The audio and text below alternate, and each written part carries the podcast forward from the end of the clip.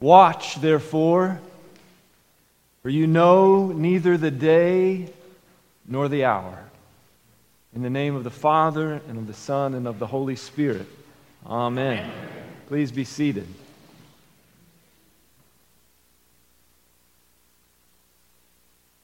Well, let's talk about the parable of the ten virgins, or ten bridesmaids in some of your translations. Jesus had gathered his disciples on the Mount of Olives, which sits, if you're familiar with the Middle East, just east of the Temple Mount in Jerusalem, actually overlooking the temple. And this section of Matthew's gospel is called the Olivet Discourse. There's a long discourse here from chapters 23, 24, 25. Jesus tells the disciples a series of parables in response to their question about the end times. They said this Tell us, when will these things be? And what will be the sign of your coming and of the end of the age? And now, in our lesson for this morning, Jesus compares the end of the age to a wedding. Specifically, the preparation required for this joyous occasion. Let's take a look at this now. On the night of a wedding in the ancient Near East, I learned this week, the bridegroom and his friends would make a procession to the house of the bride, i.e., her parents' house. The bridal party, sans bride, of course, would meet the bridegroom and his friends along the way and triumphantly process to the bride's home where the wedding ceremony would take place. Now, the ten bridesmaids, or literally virgins in the text, had one job. One single job. Be ready to go and meet the bridegroom when he appears. That's your job. That's it.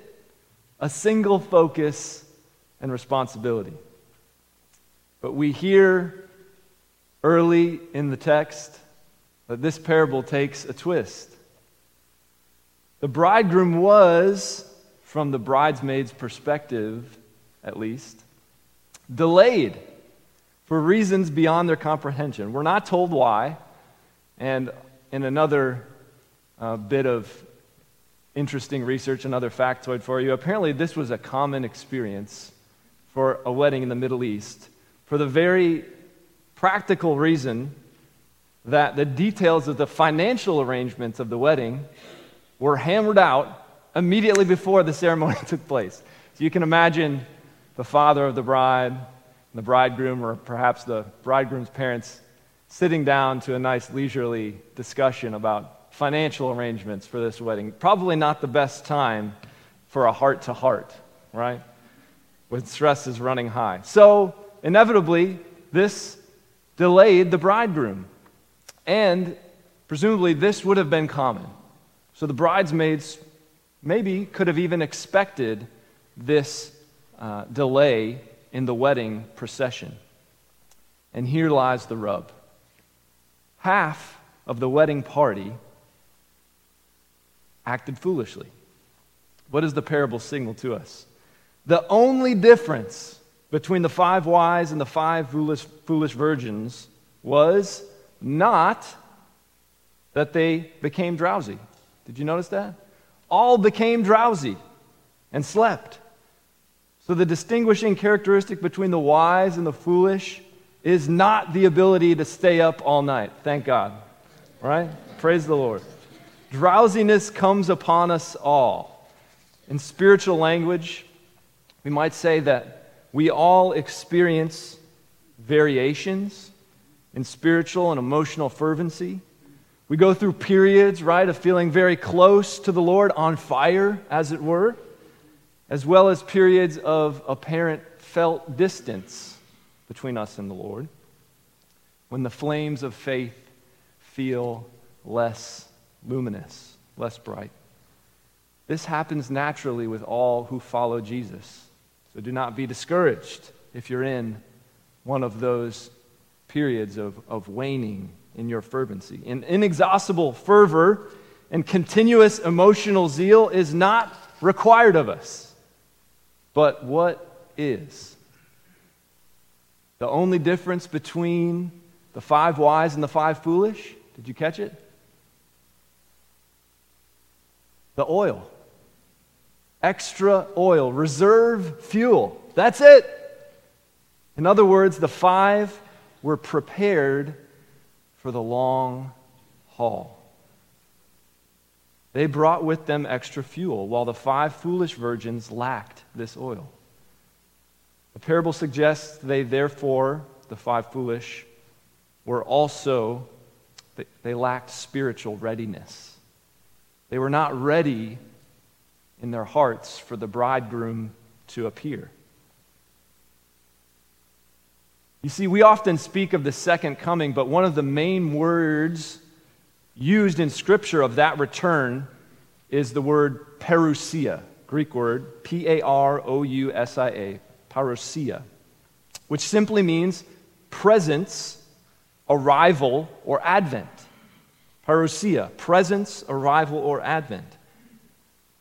So this teaches us something. When the Son of God manifests himself to the world again, it will be as if he simply stepped through the curtain of the invisible world into the visible. He will appear in great glory, no doubt, but his appearing will not only take us by surprise, it will seem as if he was near the whole time, but now visibly apparent to the world. I think that's what living in light of the parousia means, having a spiritual readiness, living as if the Lord is near, is close at hand, right now, in this very moment. Because he is. The Apostle Paul said it like this in Philippians 4 Rejoice in the Lord always. Again, I will say, rejoice. Let your reasonableness be known to everyone. Why? The Lord is at hand. The Lord is at hand. Perhaps the bridesmaids, the foolish ones, had lost sight of the beauty that would be on display as they entered the doors of the wedding party. Perhaps they had ceased to long for the close fellowship and easy laughter of friends as they celebrate a happy union, or forgotten the taste of the sparkling wine and rich food that would await them at the banquet.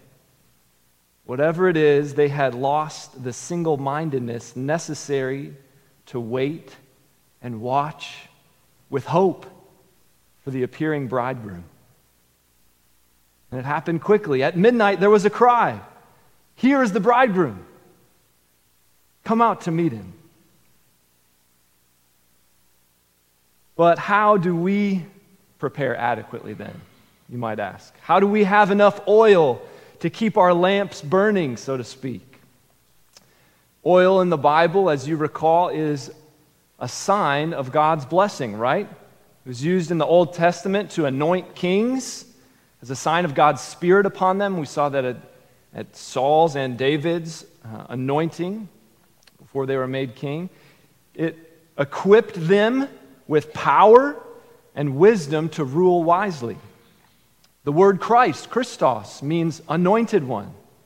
So oil is a sign of the Holy Spirit, the blessing, anointing, and marking that comes from the Spirit. But how do we get this oil? How do we get the Spirit? We can't manufacture oil on our own. Yes, we can press the olive, right? But can you create the olive itself? Only the Creator God gives us the olive and thus the oil as well. And this is how Paul defines redemption and the receiving of the Spirit in Ephesians. For by grace you have been saved through faith. And this is not your own doing, it is the gift of God. So, what can we do? We can very simply possess, harness, open this gift of God's grace to us. You might say, Colin, I've already done that. I've put my faith in Christ. I've been baptized. And yet I still feel like my oil is running low. Well, a simple analogy, but I think an effective one. What about in your marriage or a close friendship that you have? Do you think that relationship can flourish without regular time spent together? If you haven't been on a date with your spouse since your wedding night, your relationship is likely not in a good place. There's not much reserve fuel there together as a couple. Men are particularly bad about this with our friends. We say, Oh, he's my best friend. When's the last time you spent time with him? I think we had breakfast five years ago, something to that effect. It's been said that relational time, relate, in relationships, time is the capital. If you're in a business, you need money to fund your business, right? If you don't have access to capital, you don't have a business. So, in the same way with relationships, if you do not have adequate capital, i.e., time in that relationship, you will not succeed in that venture. We must contemplate and spend time fixing our gaze, the gaze of our hearts, on God's goodness, His graciousness, His unmerited favor towards us in Jesus. In other words, we have to spend time preaching and hearing and soaking in the gospel.